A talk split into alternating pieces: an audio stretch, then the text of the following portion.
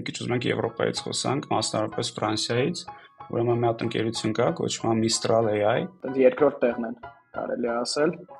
OpenAI-ն է առաջի տեղը, ոնց որ GPT-4-ով, հետո իրանք են։ Founder-ներից մեկը հայ է։ Ալոր, ինչքան հարուստ է Եվրոպան, բայց software տեխնոլոգիաների ինովացիաների մեջ շատ տուզիկ է, էլի։ Շատ գերմանական քաղաքներում իրանց ոնց որ Facebook-ն էլ ունեն, իրանց ինչ որ Messenger-ներ ունեն։ Ուսում մարդիկ չեն ուզում աշխատեն Եվրոպայում, էլի։ Ո՞նց չեմ հասկանում, աղջիկ ջան, դու ապրում ես աշխատելու համար, թե աշխատում ես ապրելու համար։ Շատ-շատ մարդիկ ուզում են գնան Ամերիկա հարստանան, բայց գնան Եվրոպայում ծերանան։ Բա Հայաստանը ո՞նց է ձեր կարծիքով, որին ենք ավելի մոտիկ։ Ուղղակի տենց ինձ թվում է երկիր չես կառուցել, մեր նման երկիրը պետք է մի քիչ հասելի մեջով անցնի։ Այն որ ժամը 10-ին են գալի գործի, ամենաշուտը, դաս միջինում երևի 10-ից 11-ին, արդեն լիքը բան ասում է։ ACA Armenian Code Academy-ն մի շատ լավ report հրապարակեց Armenian Tech Market Insights։ Վատ ստատիստիկան շատ ավելի վատ գործ անում, քան ստատիստիկա չունենալը, էլի։ Մաթեմատիկան ասեմ, հա, 200.000 դոլար ստանալու Ամերիկայում ոնց է աշխատում, որտեղ ստացել եմ 200.000 այնտեղ։ Ու եթե չանենք, չմեծացնենք մեր պրոդուկտիվությունը, ուղղակի երկրաժամկետում կրվելու ենք, էլի։ Բարի գալուստ էպիզոդ 11։ Այսօր էլի ինչպես միշտ թույն թեմաներից ենք խոսալու ու սկսելու ենք իհարկե դահոկներից։ Արդ ինչ կա դահոկների աշխարհում, կոմոդ ինչ կա, ինչ ես արել։ Այս նոր ծաղկաձորից եմ գալի։ Հավես եղանակեր, տես պլյուսեր, քամի չկար, արև ու համել նորմալ ձյուներ ու մի քիչ սառույց։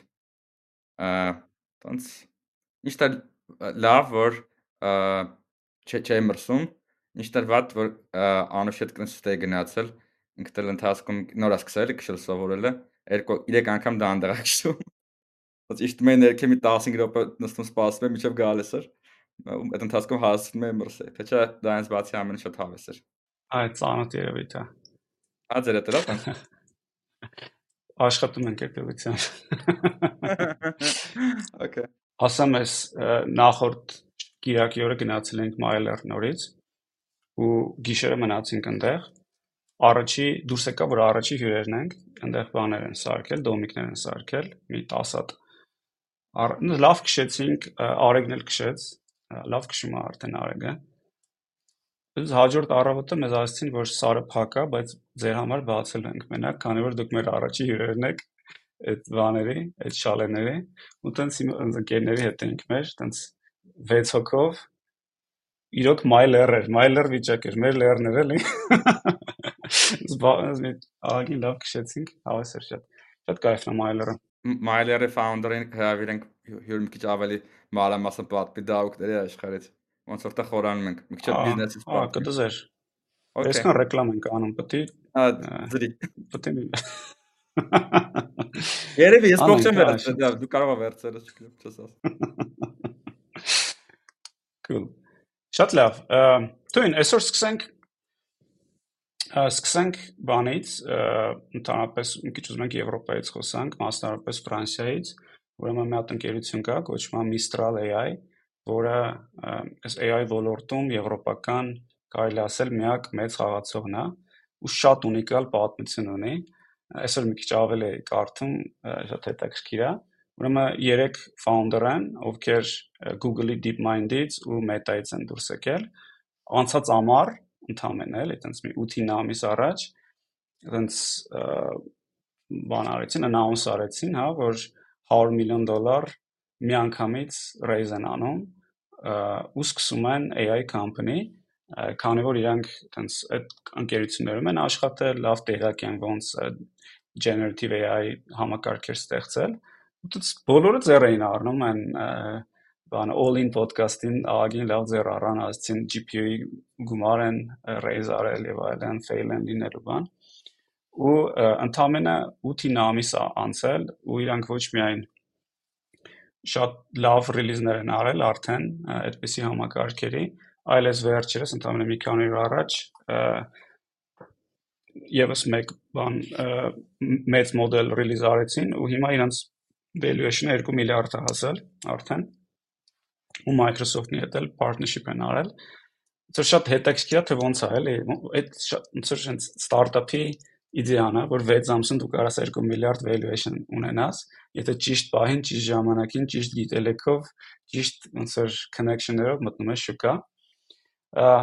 Ինչ ինչ կարծիք ունեք Mistral-ի մասին, ինչ մեկնաբանություններ ունեք։ Ես կարամ սկսեմ։ Մի քիչ ես այդ այնց կարդացի նայեցի։ Իրականում տենց լիքը տեղեր ռեպորտները չգիտեմ ինչքան adekvat են, բայց բավականին ասում են լավն են իրենց մոդելները, տենց երկրորդ տեղն են կարելի ասել OpenAI-ն առաջի տեղը ոնց որ GPT-4-ով, հետո իրանք են, այսինքն Google-ից են առաջ էլի Gemini-ից ավելի լավն են այդ բար ես չեմ ստուդիա, չեմ փորձել կյանքում, չգիտեմ ոնց է ամեն ինչ աշխատում։ Բայց տենց բավականին հետաքրքիր է, որ Եվրոպայից ու կարացել են տենց բան ստեղծեն, որը տենց երկրորդն է համարվում շատ տեղերը, շատ տեղերում։ Եվ մի քիչ խառներ, լավ չհասկացա, Microsoft-ը տենց 16 միլիոն investment էր արել ու մի տեսակ շատ քիչ էր այդ թվում, որտեվ իրանց նախորդ գինը ոնց որ 2 միլիարդ էր ու ասում են նույնն է մնացել, բայց Microsoft-ը ոնց որ extension-ը արել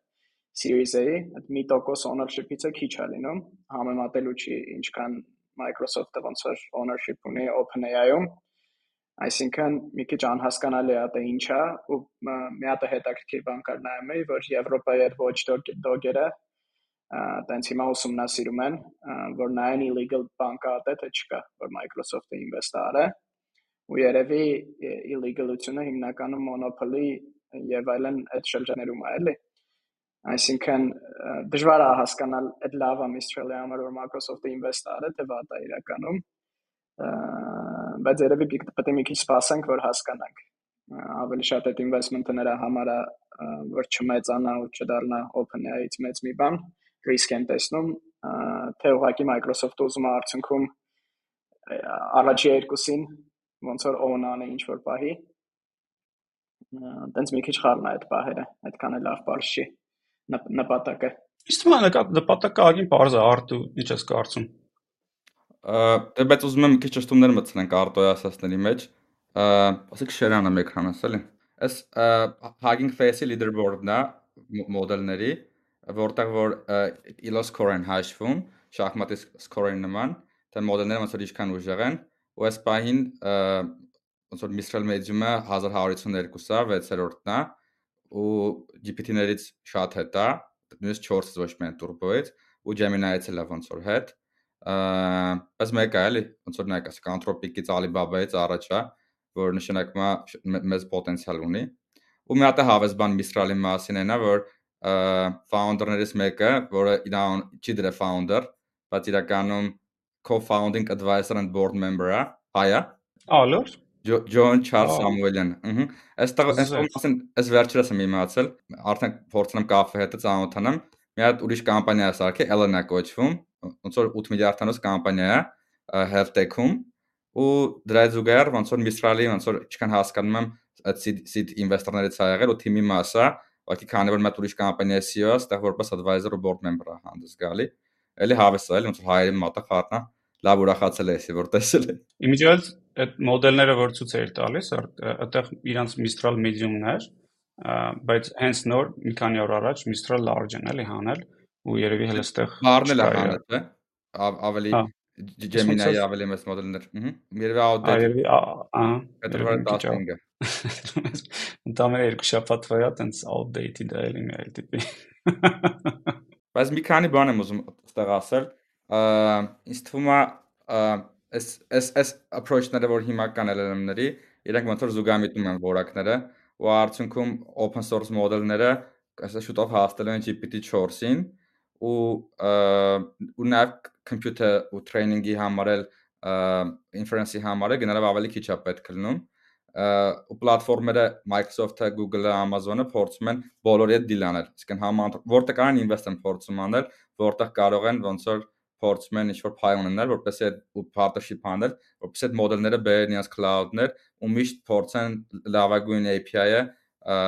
իրենց client-ների համար ու իրենց product-ների համար տան։ Ըստ մե սանով պայմանավորված, որ Microsoft-ը նայես տեղա Mistral-ի հետ է փորձում ասկին փորձում չի արդեն այլ էս investment partnership-ը։ Այո, դիվերսիֆիկացիա անում Azure-ի համար հաստատ AWS-ն էլ կգնա անի եւ այլն։ եթե դեմ չեք մի քիչ ոնց որ Եվրոպայից խոսանք էլի, որ նայում ես ոնց որ Եվրոպային, ինչքան հարուստ է Եվրոպան, բայց ոնց որ այս վեր ոնց որ software ամեն դեպքում software տեխնոլոգիաների ինովացիաների մեջ շատ դուզիկ է էլի ու ես ինչքան մտածում չեմ հասկանում ոնց է այդպես ու այս վերջերս Facebook-ում նույնիսկ ինչ որ բան էի գցել, չէ, ինչ որ բաներ էի գցել, հեսա փորձեմ այդ ցույց տալ ստեղ այս ուրեմն ցույց է տալիս թե software Ну, իրանք ասում են data stream software, ճիշտ ասած չեմ հասկանում data stream software and computer services ինչ նկատի ունի data stream ասելով, բայց ամեն դեպքում մի տրիլիոնից ինչ որ շուկայի մասին է խոսում, որտեղ ցույց է տալիս թե ինչ դոմինանտություն ունի էլի ուղղակի ամերիկյան, ամերիկյան, ամերիկան համեմատած Եվրոպայի։ Այս մի ոնց որ գրաֆն է, որտի կարելի ասել ակնհայտ էլի բավականին է դոմինանտությունը։ Երկրորդ chart-ը ցույց է տալիս թե ովքեր են ամենաշատը ինվեստ անում, որ երկիրն է ամենաշատը ինվեստ անում եվրոպական ստարտափների մեջ, ու էլի Ամերիկան է, ոնց որ Եվրոպան այսքան հարուստ լինելով, ոնց որ ինքը չի ամեն նու գումարային իհարկե ինքն է, բայց ոչ մի եվրոպական երկիր ավելի շատ չի ինվեստ անում, քան թե ԱՄՆ-ն, ու հենց այս Mistral-ի դեպքում էլ է էլի շատ հետաքրքիր համ seed round-ը, համ series A round-ը ամերիկյան venture founder են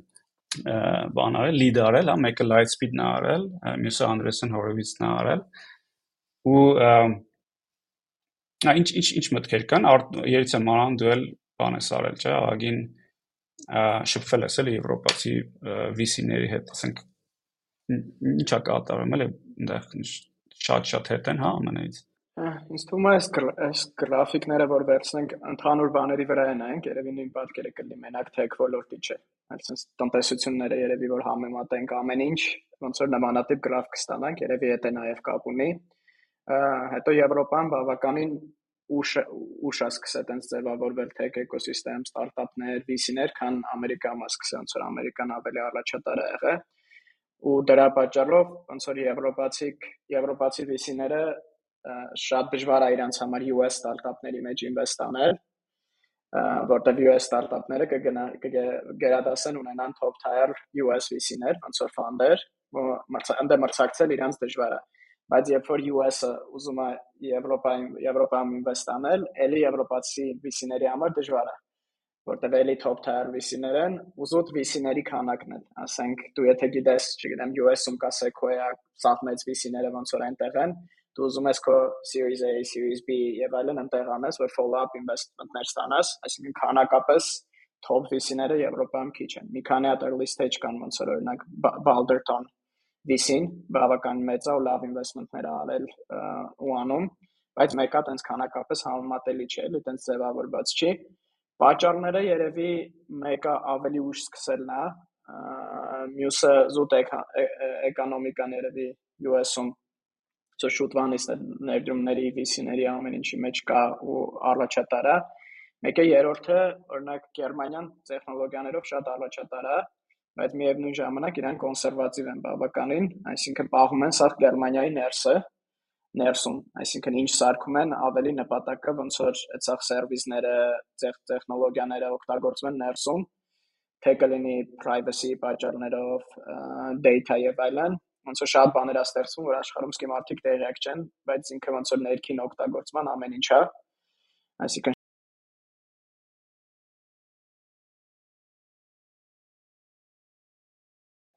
արյանց բանկային financial համակարգեր ունեն, որ USC tool-երից չեն օգտվում, ոստե այդ ամեն ինչը շատ բավականին փակ է իրանց համար։ Ցույց մի քանի բանն է երևի ընդհանրաբար, որ իրանց էկոսիստեմը ավելի հետ է մնում, բայց միևնույն ժամանակ այս վերջի տարիներին տենց զգալի երևում է կոնկրետ SaaS-ի մեջ, որ շատ successful ստարտափներ են Եվրոպայից սկսում ու գալի, այսինքն այդ բավականին accelerate ալնում, որ նայենք ու ու եղել են միշտ է, ճիշտ է քանակապես ավելի քիչ, ասենք, չեմ Spotify-ը եղել, որ Եվրոպայից է դուս եկե այս վերջերս Loom-ը, որը քվար եղավ մի միլիարդով Algolian, Zendesk-ը բավականին շատ հայտնի կամփանիներ ու բրենդեր կան, որ մենք գիտենք, որ Եվրոպայում են սկսել, Եվրոպայից են դուրս եկել, բայց մեկը ոնց որ քանակի մեջ իրանք այդքան շատ չեն, ինչքան US-ում ալնում, բայց նաև ցույց են տալի, որ այդ էկոսիստեմը սթրայվ ալինում, մեծանում է, ուժեղանում է։ Սենց ընդհանուր երևի high level պատկերը ինչ ես տեսել եմ, ավելի շատ տեսա։ Լումը եվրոպական։ Հա։ Ոսո բացարձակապես տես չի, էլի ամերիկյան ընկերությունն է լումը։ լումի կոֆաունդերներից մեկը եվրոպացի է կարող է, բայց ամերիկյան ընկերությունն է, էլի, ինձ ամերիկյան առաջին առաջին ինվեստմենտներն է եվրոպական են,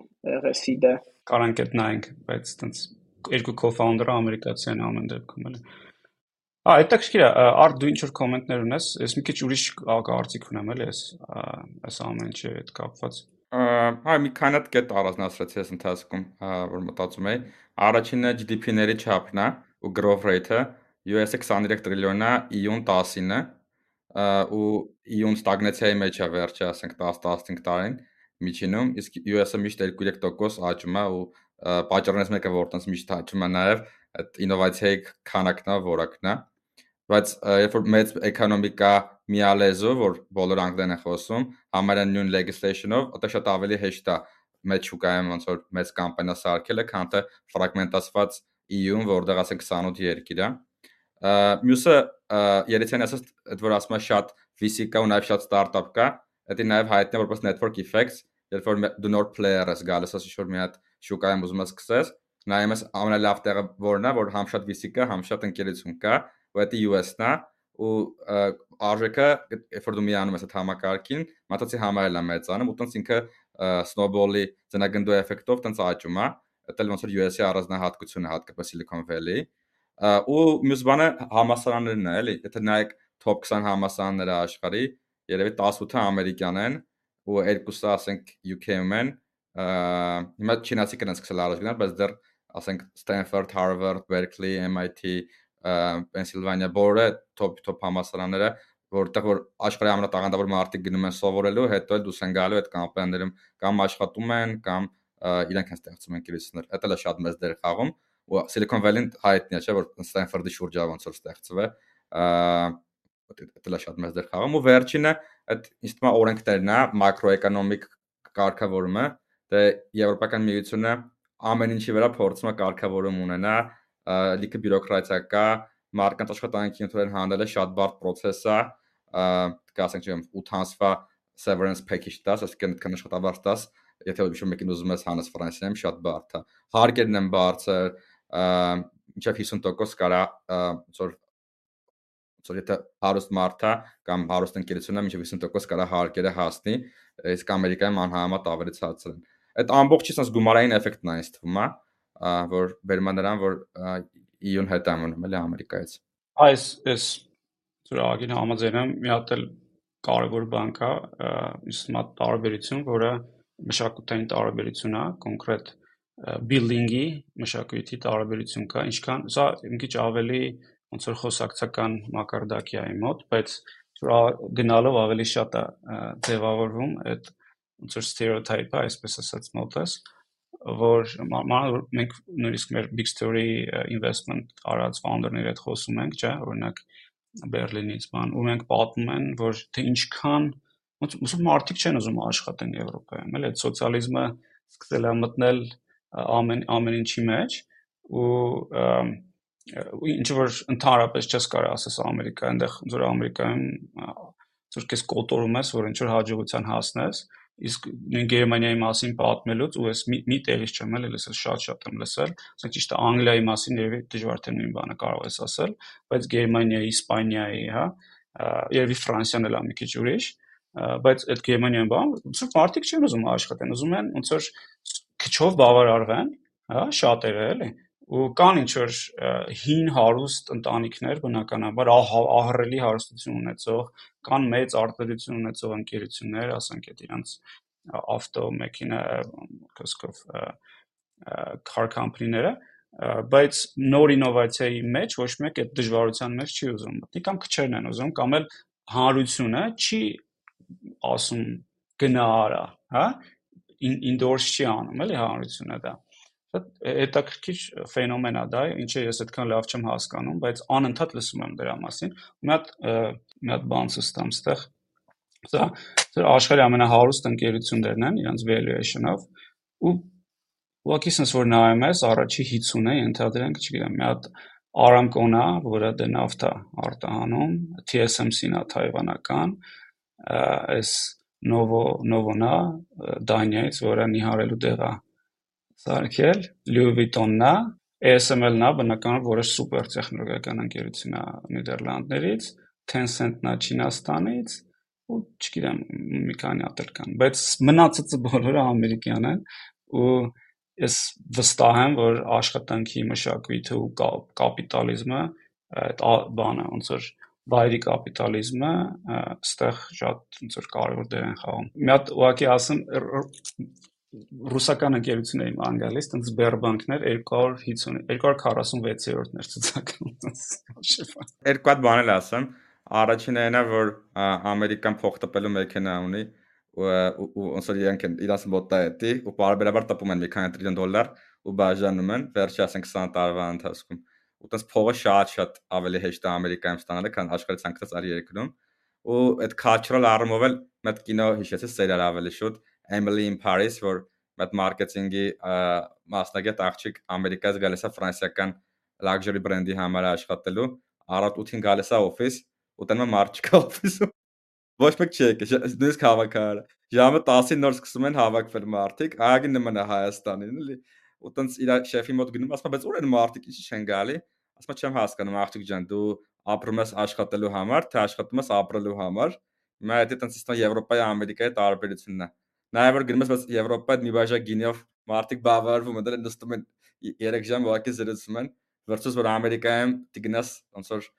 ռեստորանի մոտ լավ ուտես, մի քանի 100 դոլար ծախսած, շատ տարբեր է քալչերները։ Մենք մի 3 ժամ sense հետաքրքիր discussion ունեինք dinner էինք Louis հետ, մեր investor-ներից մեկի, ինքը originally Paris-ից է, բայց point 9 է իրանց VC firm-ը, ոնց է Բերլինում է ու հենց այդ էինք քննարկում, որ սա ասում են, որ եվրոպացիները տենց ավելի lazy են, աշխատել չեն սիրում, ավելի հաճույքներ, հոբիներ, տենց վայելում են կյանքը։ Ու տենց քննարկում էինք, ինքը ոնց որ դեմ չէր, որ տենց բան կա, բայց միևնույն ժամանակ ասում էր ոնց որ լիքը մարդիկ աշխատում են իրականում ուղղակի ոնց որ ընդհանուր culture-ն այնց է որ բա ինչի համար եմ աշխատում որ պետքա ոնց որ կյանքը չվայելեմ այսինքն գոլը մենակ այդ հասլը չի էլի որ աշխատեմ աշխատեմ լիքը փող աշխատեմ այլ նաև այնա որ ես աշխատում եմ որ enjoy անեմ ու culturally այդ enjoy անելը ոնց որ մտածա որ մարդիկ պետքա enjoy անեն ու դրա համար բոլորը տենց հոբիներ ունեն հետաքրքիր, բոլորը ինչ որ տենց չգիտեմ, գինի են սիրում, գնում են գինիներ են խմում եւ այլն։ Ու տենց մի հատ էսենց բան կա, չէ՞ որ շատ-շատ մարդիկ ուզում են գնան Ամերիկա հարստանան, բայց գնան Եվրոպայում ծերանան։ Ոնց որ այդ այդ այդ էլ է դրան մի ձև նայել էլի որ այսինքն Ամերիկայում այդ կապիտալիզմն լիքը բիզնես անելու հնարավորություններ կա, բայց երբ որ ուզում ես խախանդ ապրես, ոնց որ ուրախ լինես, գնում ես Եվրոպա ու այս հիմա տենց պատրաստի չեմ թվերով, բայց մյուս ոդքասթին մի հատ ստատիստիկա կբերեմ, տենց երկիր բայ երկիր դեպրեսիաներ էլի, ինչքան անտիդեպրեսանտներ են օգտագործում մարդիկ գնում հոգեբանների մոտ ու ոնց որ ամերիկան թոփերում է, Ամերիկա, Ճապոնիա ու պատճառներից մեկը այդ կապիտալիզմն է ու կուլտուրան, որ մարդկանց փուշ են անում ոնց որ դու պետքա միլիոնատեր լինես, դու պետքա հայտնի լինես, այդ ամենակարևորը պետքա դու հասլ անես ու լիքը մարդ ոնց որ չի կարողանում ու դրանից դեպրեսիայի մեջ են գնում համը կապերը ոնց որ ավելի քիչ են լինում որտեղ մարդիկ իրար նաև դրանով են չափում ոնց որ դու ինչերի ես հասել ինչեր ունես ինչ հնարավորություններ ունես ու բավականին տարբերություններ են դնում այսինքն այնպես միանշանակ չի որ այս մեկը կամ այն մեկը ավելի լավ է բայց միանշանակ է որ կոնկրետ եթե տեխնոլոգիաները մասին ենք խոսում ոնց որ hustle culture-ը բնականաբար ու risk վերցնելու մշակույթը ու դեպրեսիայի մեջ ընկնելու, բայց դրա հետ օքեյ լինելու ոնց որ մշակույթը իհարկե մեծ տարբերություն է տալի նոր բաներ ստեղծելու համար։ Այ դա ես կարծում եթե դու ոնց որ builder mindset ունես, այսինքն դու ոնց որ դու դու կյանքը ուզում ես նվիրես նրան, որ ինչ որ բաներ ստեղծես, մասնարարապես ընկերություններ, ապրանքներ ստեղծես, բնականաբար ոնց որ ամերիկան դրան այդ այդ այդ մշակույթը ավելի լավն է, դրանից ոնց որ հաճույք է ստանում ոնց ու շատ է ընտրեպրեներների, հա, ձեռներեցների, ովքեր կապիտալիզմում հենց բանն են, առաջատար ուժն են, հա, ցանկացած տնտեսության, գնալու են այնտեղ, որտեղ դրա համար ավելի նպաստավոր միջավայր է, ու ծուր չեն նախընտրելու Եվրոպան, Եվրոպան նախընտրել են ԱՄՆ-ն, էլի։ Հենց այս նույն պատճառով ճիշտ է շատերը նաև դեպրեսիայի մեջ են ընկնելու։ Բա Հայաստանը ոնց է ձեր կարծիքով, որին ենք ավելի մոտիկ Ամերիկային թե Եվրոպային մեր մեր կուլտուրայով էլի։ Ես կարծում օրինակ ես կուզեի որ ստարտափ միջավայրը ամեն դեպքում ստարտափոս, իսկ ստարտափոս զբաղվող ֆաունդերները ավելի ամերիկային են միանշանակ մոտիկ, ամեն դեպքում այդ տենդենսը կա, այդ ձգտումը կա, բայց ընդհանուր կարծում եմ հասարակության մեջ ոնց որ լիքը բան կա, ձգտում կա դեպի ուղղակի կյանքը վայելելուն, չէ, տենց ոնց որ հանգիստ եւ այլն։ Ուղղակի տենց ինձ թվում է երկիր չես կառուցել, մեր նման երկիրը պետք է մի քիչ հասելի մեջով անցնի, որ կարողանաս տնտեսություն զարգացնես, փող ունենաս, որ ուրիշ հարցեր լուծես։ Մեր մշակույթում տենց չաշխատելը այդքան չհարգված բան չի էլի ոնց որ լիքը մարդ չի աշխատում բայց մի ձև ծերը ծերն անում ու նենց չի որ ասում են ոնց որ դու չգիտեմ օգուտ չես տալի հասարակության այդ չի կարելի այդ վատը ոնց որ շատ մարդկանց մոտ այդ ոնց որ այդքան շատ վատ բան չի էլի որ կարաս չաշխատես, բայց գլուխդ մի ձև պահես։ Ինձ թվում է դրանով ոնց որ ավելի մոտիկ ենք ուզում ենք տենց սոցիալիստական լինենք, պետությունը հոգ տանի մեր մասին, բայց հա դրա համար քիչ են ստարտափները, բայց հավանաբար ովքեր անում են ավելի շատ ոնց որ են մշակույթը ունեն, որ հասլ անեն, մի բան ավել հասնեն, փորձեն ինչ ինչ որ բան ստեղծեն ավելի համաշխարհային։ Բայց դա մենակ founder-ները, founder-ները մասն է, ասում ես, բայց ոնց որ կամպանիները founder-ները չեն, չէ, ամբողջ թիմն է, այսինքն որը հասարակության մեծ հաշվով հայելին է, էլի 30000 հայ ոնց որ մասնագետ կա, եւ ասես Ռուսլանը որակն 50000 է ոլորտը։ Այսինքն միջինում ինձ թվում է culture-ը տենց թեթև աշխատելն է, էլի։ Եկել լիքը մարդիկ կան որ վիզան դնում օրը գիշեր, բայց հիմնականում ինչքան որ տեսել եմ, ավելի տենց Եվրոպայի ուղղությամբ է, էլի Հայաստանը, հատկապես մեր ոլորտը։ Այն որ ժամը 10-ին են գալի գործի, ամենաշուտը, դաս միջինում երևի 10-ից 11-ին արդեն լիքը բան ասում է, էլի։ Չէ, այդքան լիքը բան մենակ, բայց դա այդքան էլ է, այս որ նոր եկել Ամերիկայից, տենց բաներ մոտը շոկ էր ոնց են այսքան ուշ գալիս, բայց հետո սովորում ես, ոքի ավելի ուշ են էլի մարդիկ ստեղ բանում։ Ավելի երկար են, երեկո են, դեպի երեկո աշխատում են, ինչը որ Ամերիկա Ամերիկում տենց չի, ասենք ամերիկացին կարող է, չգիտեմ, ժամը 5-ին գնա առավոտը գործի, ժամը 3-ին հետ գա ու ու վերջ։ Հետո ես մի հատ sense բան էլ Ամերիկայում նշի որ բոլորը տենց հասել անող են, ընդհանրապես տենց չի էլի, չէ։ Նույնիսկ որ մենք այնտեղ մարդ ենք հայրանում, ոնց որ տեսնում շատ-շատ դժվար է գտնել այն մարդկանց, ովքեր հա, հասել են, հասել են անում։ Մեկը այդ խնդիրը կա, այսինքն ինչ որ տոկոս է, չեմ կարող, շատ դժվար է տոկոսային առումով ասել ոնց է համեմատվում օրինակ Հայաստանին չէ, բայց կարող է շատ հեռու չենք էլի։ Ուղղակի entrepreneur-ների, այդ founder-ների քանակը այնքան շատ է Ամերիկայում, որ այնքան հենց են իմպորտ արել այդ բոլորին էլի, հենց այդ նույն համասարանների ու այդ լավ միջավայրի, այդ մեդիայի շնորհիվ, հա, որ սաղորը խոսում են նրանից, որ դու կարաս, չգիտեմ, unicorn սարքես, լիքը մեծ քանակությամբ ոնց որ բան կան, entrepreneur-ներ կան, ովքեր իրանք են էլի առաջ տանում այդ ընկերությունները եւ այլն։ Ու, մենք էլ պետքա դա անենք, ոնց որ պետքա բոլոր բոլոր ամենալավ պայմանները ստեղծենք, որ գան այդ entrepreneur-ները, ձեռներեցները, ռուս, վրացի, եվրոպացի, հայ դրսում եղած, որ իրանք ուզենան գան Հայաստանում սկսեն այդ բիզնեսները, հա, այդ ստարտափները իրանք առաջ տանեն։ Առանց դրա անհնար է ինչ որ բան անել։ Եկամ քանակի մեջ որակը ոնց որ երևում է։ Եկամ մեր մենք քանակապես է շատ ոնց որ փոքր պետություն ենք, եկամ շատ քիչ մարդ կա ստեղ ու որպեսի այդ որակը ստանանք, շատ լավ կլինի իհարկե ոնց որ լիքը մարդ կա մեծանա ոնց որ ժողովրդի քանակը ստեղ, որ որտեղ քանակի մեջ է արդեն հավանաբար կլինեն ամեն տեսակի մարդիկ, շատ փոքր ենք մենք էլի մարդկանց քանակով։ Երեք մի հատ տղա հետ էի հանդիպել, որ LA-ից է, ինքը այնտեղ բանա, լոյերա, հա, իրավաբանա, ու տենց խոսակցության մեջ սկսեցինք խոսալ, ասում բայց խիա, ինչի LA-ում հայ entrepreneur-ներ չկան, էլի, քիչ են, շատ-շատ քիչ են, էլի, համեմատած քանակի, չէ՞։ ընդհանրապես մենակ LA-ում չէ, էլի, ամբողջ Ամերիկայում պետքա որ շատ ավելի շատ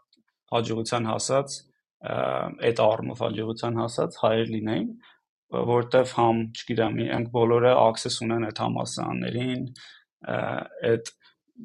փողին, հա, որ ասում ես դու որ ավելի շատ է այնտեղ այդ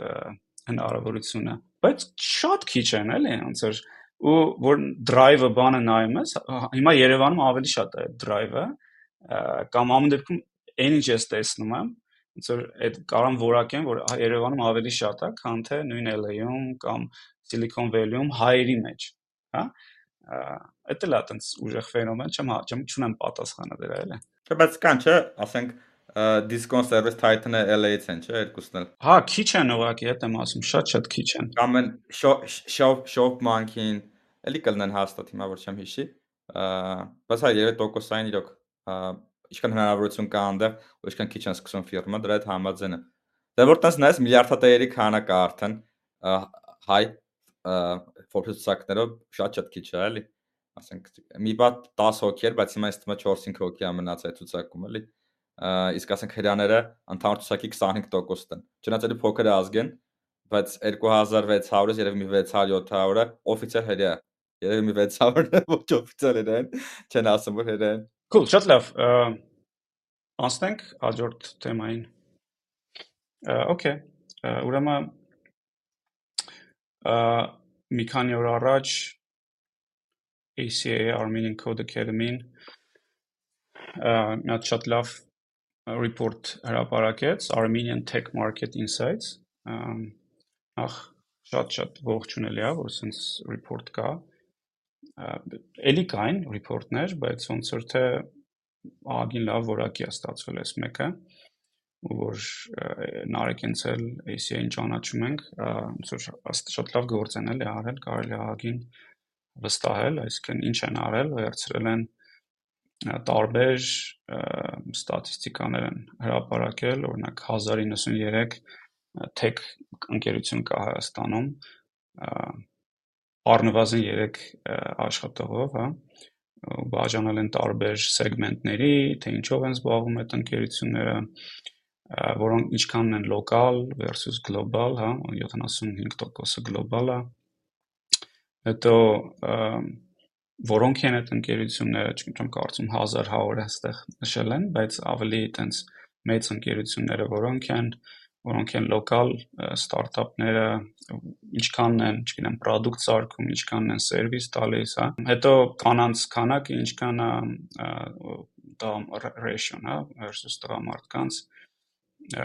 եւ այլն։ Մի խոսքով, հետո ասում են էկոսիստեմի մասին, ստարտափ էկոսիստեմի, թե ինչ venture capital-ներ կան, ինչ acceleration program program-ներ կան եւ այլն։ Ուսում բավականին sense comprehensive report է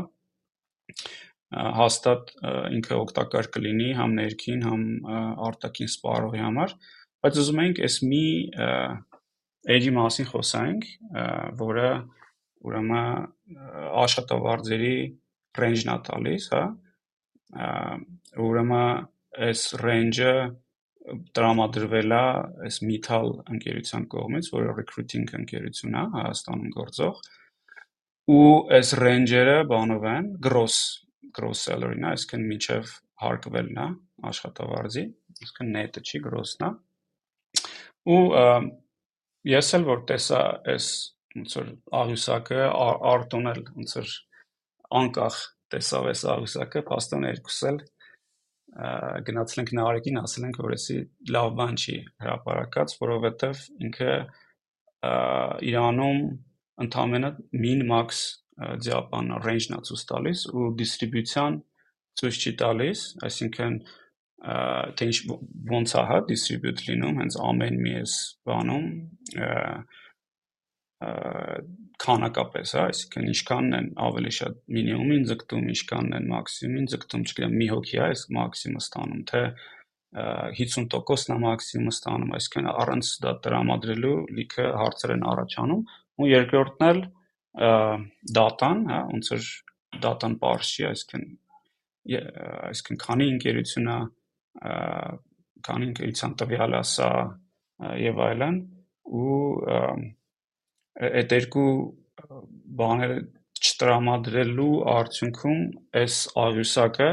լիքը խնդիր կարա առաջացնի, հա, որտեղ սխալ ոնց որ տպավորություն ինքը կարա ստեղծի ես կարծում եմ այդ երկու տվյալը տալով ինքը լավա որ կա ոնց որ շատ-շատ դժվար է նույնիսկ մեզ համար հասկանալ ինչա տեղ ունենում մարքեթում աշխատավարձերի տեսանկյունից, այսինքն լավ մենք բոլորս կուզենանք որպեսի որպեսի այդպեսի data լինի, բայց պետքա ճշգրիտ լինի այդ data-ն ու վստահելի լինի այդ data-ն, թե չէ fireback-ը անելու ու վատ խնդիրներ ստեղծելու ինչ ինչ մտքեր կան սրա հետ կապված ընդ մի հատ վերևը սլայդ կար նայելուց seller-ներից զատ էլի այդ այդ մասը վրա անցանք որ հետաքրքիր էր այդ Ռուսաստանից եկած կամփանիները մի քանիսին ես էլ չգիտեի որ եկել են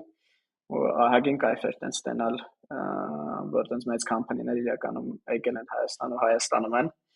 այդ ինձ ամենաշատը այդ սլայդն էր տենց դուր եկե որտեղ էս մեծ ազդեցություն ունի ու հավանաբար նաև որ ինչ ինչն ենք հասնենք սելերիներին երևի սա էլ ազդեցություն ունի ընդ թվերի վրա ինչ որ ձև որտեղ լիքը մատ Ռուսաստանից եկել է հավանաբար սելերները միանգամից չի փոխվել եւ չգիտեմ էլի չգիտենք այսինքն գրած չի հա Չէ ես վստահ չեմ այցը Որովհետեւ Միթալից է այս դատան, չեմ կարծում այդ ընկերությունները եկել են սկսել են միանգամից այդտեղ hiring-ով զբաղվել, չէ, ու հենց Միթալի հետ վստահ չեմ էլի։ Հետո իրականում ոնց որ իրականում գիտեմ էլի, ընդամենը 15 ընկերության դատայի վրա է եղել ու շատ քիչ քանակի վրա, ինչքան հասկանում եմ ես ինչը որ չի կարա ոնց որ դու չես կարա մի սլայդում ասես այդտեղ չգիտեմ 30 30-ից 50 հազար աշխատող կա հետո գնաս շատ փոքր դատայի հիման վրա սելերների բանտած չէ տենց doesn't make sense էլի ասենք սրա անելու ճիշտ ձևը են կլներ որ ստատիստիկորեն էական դատայի վրա անային այդ այդ մոտորապես պետք է 2-3000 մարդու ոնց որ դատա վերցնեին ու պետքա բաշխում տային թե average-ը ու median-ը ինչ կնան, այսինքն քանի որն է թիվը այդ ռոլի համար, որ 50%-ը մարդկանց դրանից ավել է ստանում, 50%-ը քիչ է ստանում ու նաև միջինը ինչքան է ու նաև min max-երը, այդ դեպքում մենք ոնց որ հստակ պատկեր կունենանք, թե բաշխվածությունը որն է ու նաև հիմնվել Mithali data-ի վրա, ինքը տենց այսպես կոչված selection bias-ը, հայերենից ընտրության սխալմունք կողմնակալություն կոմունակալություն, հա, այսինքն երբ որ դու մի տեսակի data հետ գործ ունես, իրանք ինչ տիպի ընկերություն են, օգնում են այլ ընկերություններին headhunt անել, այսինքն մյուս ընկերությունից մարդ անել, ու սովորաբար այդ անելու ժամանակ դրանք դրսից եկած ընկերություններն են սովորաբար լինում, որ պատրաստ են շատ ավելի շատ գումար վճարել, քան թե շուկայականն է, որպեսզի արագ ոնց որ մարկանց ներգրավեն, իսկ ոնց որ ամբողջ ինդուստրիան հասկանալու համար պետք է գնալ այն ընկերությունները, որոնք որ շատ խոշոր են, համակարգված hiring ունեն, համակարգված performance evaluation, այսինքն մարկանց աշխատանքի որակը գնահատող համակարգեր ունեն, չգիտեմ, սկսած Synopsys-ից, Siemens-ից, վերջացրած Pixar-ով, Crisp-ով Service Titan podcast-ը եւ այլն, բոլոր դեկեստերին պետք է մասոր հարցնեին ու փորձային անեն data ստանալ։ Խնդիրը այն է, դա եմ խոսում մի Italian արեկի հետ, որ ընկերությունը պատրաստ չեն data-ն կիսվեն, նույնիսկ ագրեգացված ձևով պատրաստ չեն ու արդյունքում սենց նույնիսկ 1-2 data point որ լինում է մարդկանց համար դա այնքան կարևոր է ալնում որ կանչ բանին հղում անեն ու գնում ոնց որ տենց կիսատ պրատ ինֆորմացիա են դնում, բայց իմ կարծիքով ոնց որ լրիվ համաձայն եմ Դավջան, վատ ներկայացված ինֆորմացիան, վատ ստատիստիկան շատ ավելի վատ գործ անում, քան դա ստատիստիկա չունենալը, էլի, որտեվ կարա դրես սխալողություն տանի։ Որ եմ սխալողություն, դեռ հասկանանք, էլի, ինչն է այստեղ ոնց որ վատը, մի մի քանի ոնց որ խնդիր կա։ Առաջինն է, որ ընկերությունների տեսանկյունից, երբ որ պետքա ոնց շուկան ձևավորեն, հա, այսինքն պետքա որոշեն թե ինչքան են վճարում, գնում են որ data point-ի են նայում, ու երբ որ data point-ը սխալ է ներկայացված, սկսում են սխալ ոնց որ թվեր տալ ու շուկան սկսում է արհեստական կերպով չանալ ու լիքը մարկանց ոնց որ համար ինքը, այսինքն ընկերությունների համար ոչ թե մարկանց համար, սկսում է բարձրացնել ստեղծել էլի ու ասեմ որ երբ որ range-ը այդպես մեծ մեծ տված է, ասենք junior-ը range ինչքան էր տված 100.000-ից 500.000, հա, դες մոտ շուտ շատ մեծ թիվ էր, չէ։ Այդ ինտերներ։ Ինտեր կան ընդհանրապես։ Ա intern/junior։ Ա intern junior, ասենք, այս ոնց որ 4-6 range-ի մասն է խոսքը, էլի։ Ա ասենք նաև էսը կա, էլի, ինչքան էսի օգտակար է ասենք ոնց կարա սրա վրա ինչ որ դով refer անես, էլի։ Հիմա 110-ն է լավ թիվ, 150 է, 250 թե 350 է։ Ու ցանկացած ստարտափ կամ ընկերություն, որ նոր սկսում է, սրա վրա չի կարող ակի հիմնվի, էլի։ Ու եթե փորձել հիմնվի, կարա հաճախ ոնց որ սխալ արդյունքների գա էլի։ Այդտեղ մի հատ բան էլ կա, ուրիշ side effect կա էլի, որ եթե դու դրսի ընկերություն ես, որը ուզում է գա Հայաստանի շուկա, այսինքն գալու պատճառներից մեկը այնա, որ ստեղ էժան է, չէ՞։ Ոնց որ որովհետև մրցակցությունը դա, չգիտեմ, հույսով եմ, որ ասենք Էստոնիան է, Իսրայելն է, հաճախ նաև Հնդկաստանն է, ու եթե դու գալու ես այս դատային հղվես ու տեսնես, որ չգիտեմ, ինչ որ առանց այս դիստրիբյուցիան հասկանալու մտածես, որ շատ բարձր է այստեղ, չես գալու այստեղ, Հայաստան չես գալու։ Ու այդ ոնց որ disservice ա լինելու էկո համակարգին էլի, այսինքն ոչ մի լավ բան դա չի բերելու։ Բայց ասեմ, որ այս ամեն ինչի զուգընթաց մենք բոլորս հաստատ ուզում ենք ճշգրիտ data ունենանք, հա, այսի բոլորին օգնել է ճշգրիտ data ունենալը, հա, այսինքն ստեղ մեր ցանկությունն է, որ այդ ճշգրիտ data-ն լինի։ Օրինակ ես մերոնց մեր people team-ի հետ խոսացի, հարցից մեզ մեզից երբևէ ուզել են թե չէ արդ մեզից երբևէ ուզել են այսպեսի data հա ոնց որ մեր աս ուզել են առնվազն առնվազն 4 անգամ վերջի 3 տարում տարբեր ընկերներ փորձել են անել ես գիշեմ որ soft construct-ը Digital-net միասին էլի պատվել էր խորհրդատվական ընկերությունից մեկին որը այս research-ը անեն ու մենք մենք ասենք մենք պատրաստ ենք տանք data առանց մարկանց աշխատավարձները բացելու, ակի ագրեգացված, հա, այսինքն ջունիորների range-ը այսքան է, այս այսքան է, ու էլի լիքինգերներ պատրաստ էին ու promise-ը նաև էր post-ում էր որ հետո հետ են տալու այդ արդյունքները էլ հետազոտության նշիլի որ ասենք CRISPR-ը դատան տալիս է իմանում են CRISPR-ը ոնց է բայց մենք չենք իմանում ասենք շուկայի բան միջին թվերը բայց հետո երբեք չստացվեց էլի միանգամի PMI-ներ փորձում անը չի ստացվում այս այս գործընթացը նորմալ ձևի ընկերությունները ոնց որ չգիտեմ շուտ մտավախություններ ունեն իսկ ինչ եք կարծում ինչ են մտավախությունները ենթադրում եմ այդ որ մտածում են եթե ասենք X ընկերություն կա insecure են զգում էլի անապով ասկն եթե մտածում են որ նրանց մոտ ցածր է Մտերենք CRISP-ի իմանա որ ցածր է, կսկսենք ագրեսիվ իրաց մոտից hiring անել։ Բայց ինչի պետք է ասվի դրա։ Չենք իմանալու, չէ։ Ոնց որ վստահության խնդիր կա, հա։ Դե ոնց իմանա իմանալու ենք թե չէ։ Կոնտրակտ չկա, որ ստորագրում ես, որ դու անանիմոս տալիս ես դատան, բայց իրանք ոնց որ հաշվարկն են ընդհանուր տարածում ոչ թե ամեն ընկերությունում ինչքան է salary-ները, որտեվ այդ դեպքում հա ոչ մեկ չի համաձայնվի, ես էլ չեմ համաձայնվում մեր առանձին նշել։ Հա, այդ այդ դեպքում խի պետքա տաս, հաստատ։ Պետքա ագրեգացիա արվի ամբողջ ոնց որ բոլոր այդ տված ընկերություններից ընդհանրապես այդտեղ խնդիր չկա էլի, որ մենք Ամերիկայում, ասենք, ինչ ռոլ ենք բացում, պետքա այնտեղ հայրանանք շատ հեշտ է, ասենք, այդպեսի data այնքան կա, նա ցենց spreadsheet-ը բացում ենք, սա ամեն տիպի ռոլի համար համարյա կա, ասում եք որ ուղղակի միանգամից հասկանում ենք ինչա էլի այնտեղ ինչ ինչա ինչպեսին է այնտեղ բանը իրավիճակը Հայաստանում շատ ահավոր է դժվար է որովհետև ինչ որ չեմ HR մենեջերները իրար հետ ինչ որ խոսում են ինչ որ թվեր գիտեն մոտավորապես ինչա տիրում բայց ոչ մի բան ոնց որ reliable չկա որի վրա կարող ես հղվել Պարզ է, այսի շատ կարևոր խնդիր է, ուղղակի պետք է ճշգրիտ լինի, սա է էլի հիմնական։ Ըստ թվերի հարցը դա դա։ Նայ, ասենք Ամերիկայում 6 միլիոն tech worker կա, Հայաստանում 50000 ռուսների հետը, այսինքն 120 հա, անգամ ավելի շատ է Ամերիկայում։ Ու նաև կան Glassdoor-ի նման հարթակներ, որտեղ մարդիկ գրում են իրենց աշխատավարձները ու ոնց որ այդ մշակույթը ամեն ինչ դատայով անելով, դատան ճիշտ ձևով share անելու կա, իսկ է Հայաստանում դեռ դեռ շատ են վախենում ընկերությունները, դրա համար չի գնում, էլի։ Job position post անելուց է նույնիսկ գրածառնում range-ը ինչքան ընկերությունը պատրաստ վճարել մեր մոտ է տենց հիմնական փակա այնտեղ հիմնականում փակա բայց մի երկու բան state-ը ամերիկայում նահանգ տենց օրենք է անել ու պարտադրել է որ դու պետքա նշես արդեն ինչ Նյու Յորքում ինչ ասում Կալիֆոռնիայում արդեն տենց է պետքա նշես բայց շատ հավես կներ որ մենք ճշգրիտ լավ դատա ունենանք էլի ոնց որ կոչ ենք անում բոլոր ընկերություններին կամ ինչ որ հենց թեկուզ ACA-ի միջոցով կան որ love report-ը ծոր մի հատ program սկսենք ու այդ խնդիրները թող ոնց որ ճիշտ ձևով պայմանագրային տեսքով հա, լուծվի, որ aggregated data է լինելու ու անենք ոնց որ շատ կարևոր է այս դատան ունենալը բայց ամերիկայում էլա չէ այդ մասը որ միս կողմն էլ ասեմ էլի ագին խառնա այսինքն OpenAI-ը օրինակ այս վերջերս հայտնել որ մինչև միլիոն դոլարի չափ salary էր տալի machine learning ինժեներներին ամենաթոփերին երբ որ ասենք երևի industry average-ը 350-400 հազար էր էլի այսինքն այդ ձևի բանը ընդեղ էլա տեղի ունենում որ կախված իրավիճակից ու ինչ ինչ խաղադրույքներ կան սեղանին, ինչքան ֆանդինգ կա, ընկերությունները գնում են ինչքան արագ են ուզում խնդիրը լուծեն, գնում են ու տենց մի անգամից շատ բարձր թվեր են տալի էլի։ Հա, ու եթե դու նայես մեկը այդ aggregate-ի մեջ, այդ 1 միլիոնը չի երևում,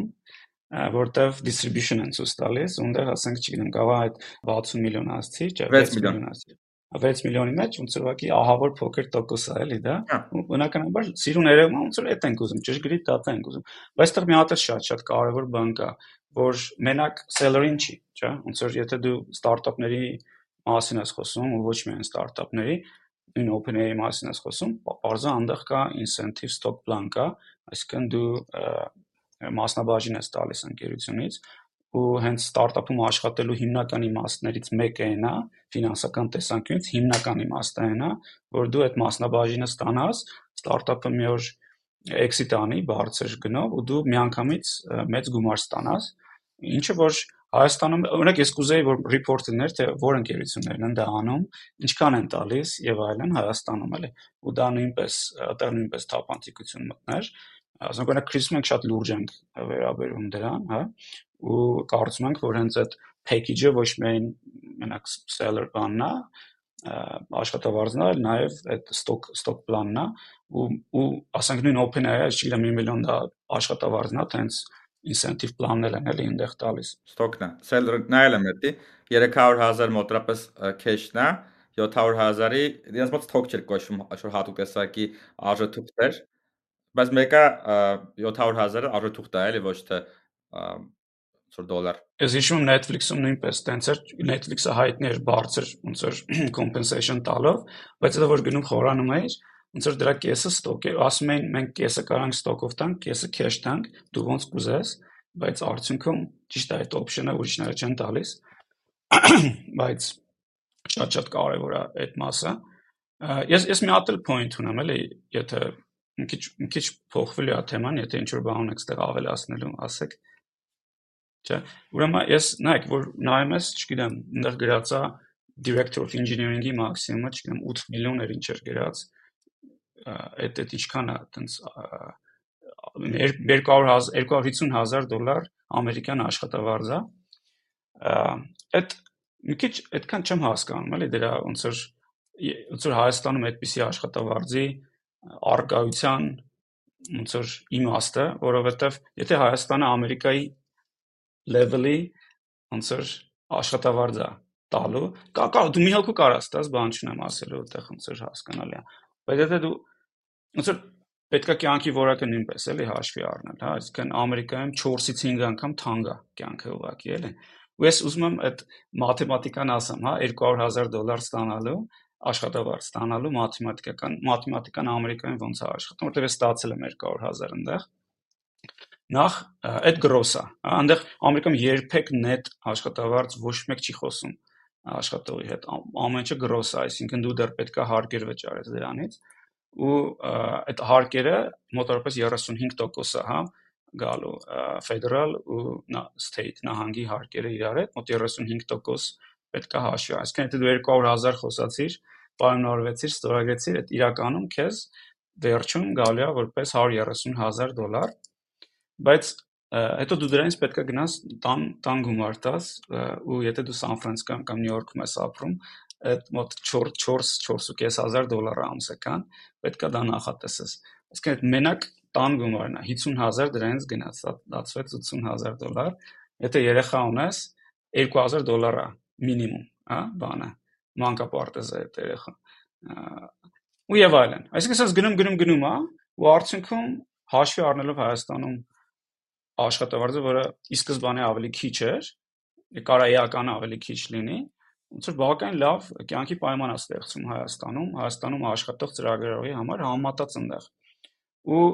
Ես խեմ սա ասում, որովհետև երբ որ մարդիկ գնում նայում են Ամերիկայում աշխատավարձերը ինչքան, այս վերջերս ինչ որ թերթում նայում էին, ինչ որ գրել էին 300.000 դոլար են ստանում, հա, հայկական ինչ որ թերթում գրել էին։ Այս միջև դու ես մաթեմատիկան չես հասկանում, չես հասկանում դա ինչ է նշանակում, էլի այդ 300.000 դոլարը։ Ու շատերը բան են անում, տենց իլյուզիա էլի ստեղծում, որ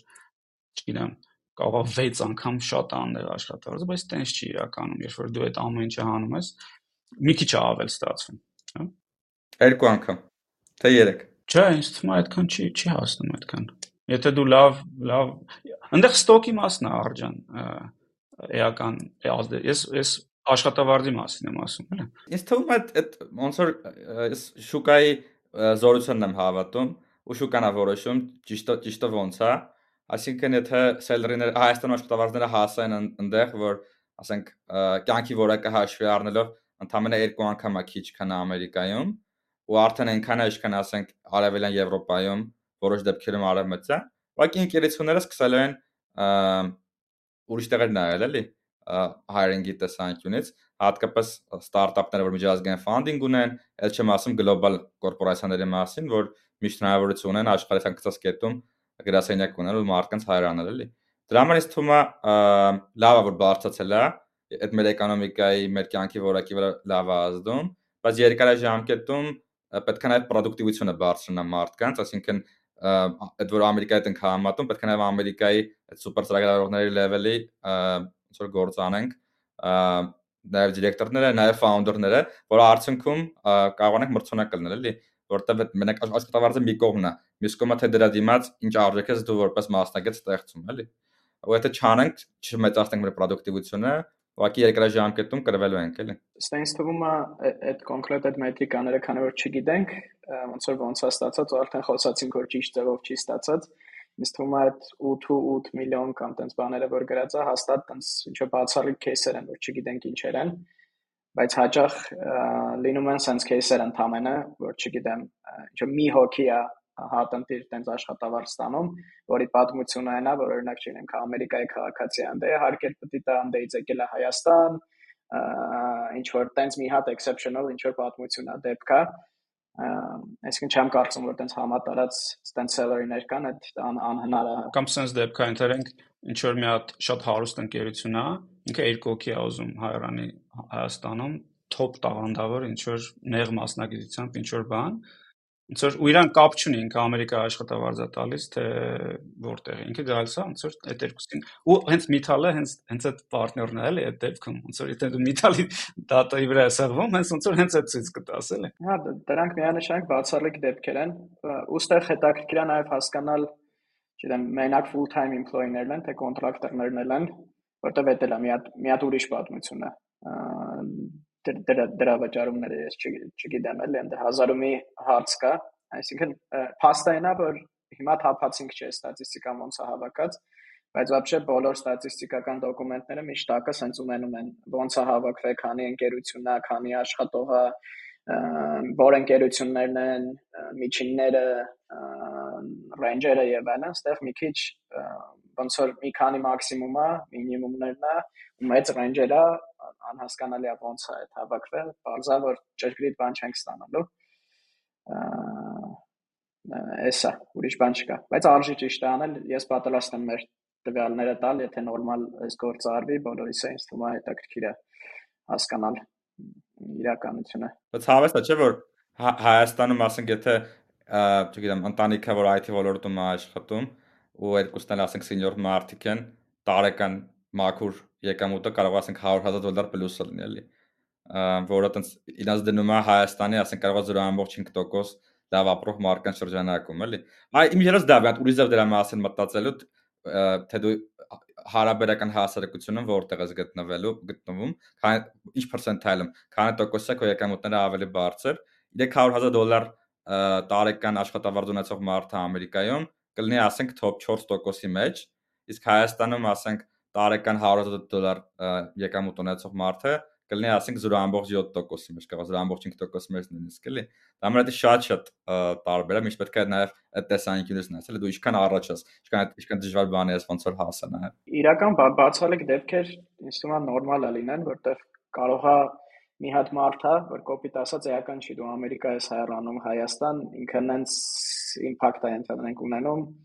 որ դու պատրաստ ես որպես ընկերություն բյուջետ ունես դրա տաս, բայց այդ նշանակում է այդ մարդը մնացածից, ասենք, բավականին շատ responsibility է ունենալու, բավականին տանջվելու է, կարող է շատ կոպիտ ասած CEO-ից է շատ գումար ստանալ, ինչ ինչ որ բացառիկ դեպք է, որը պետք է ընդունենք, որ լինելու են, բայց այդ չի կարա միջին ոնց որ լինի։ Okay, սուպեր Հերթական սուպեր լավ խոսակցություններ ինձ թվում է։ Մերսի, մերսի Ժորժան։ Ինչ հանդիպում։ Пока-пока։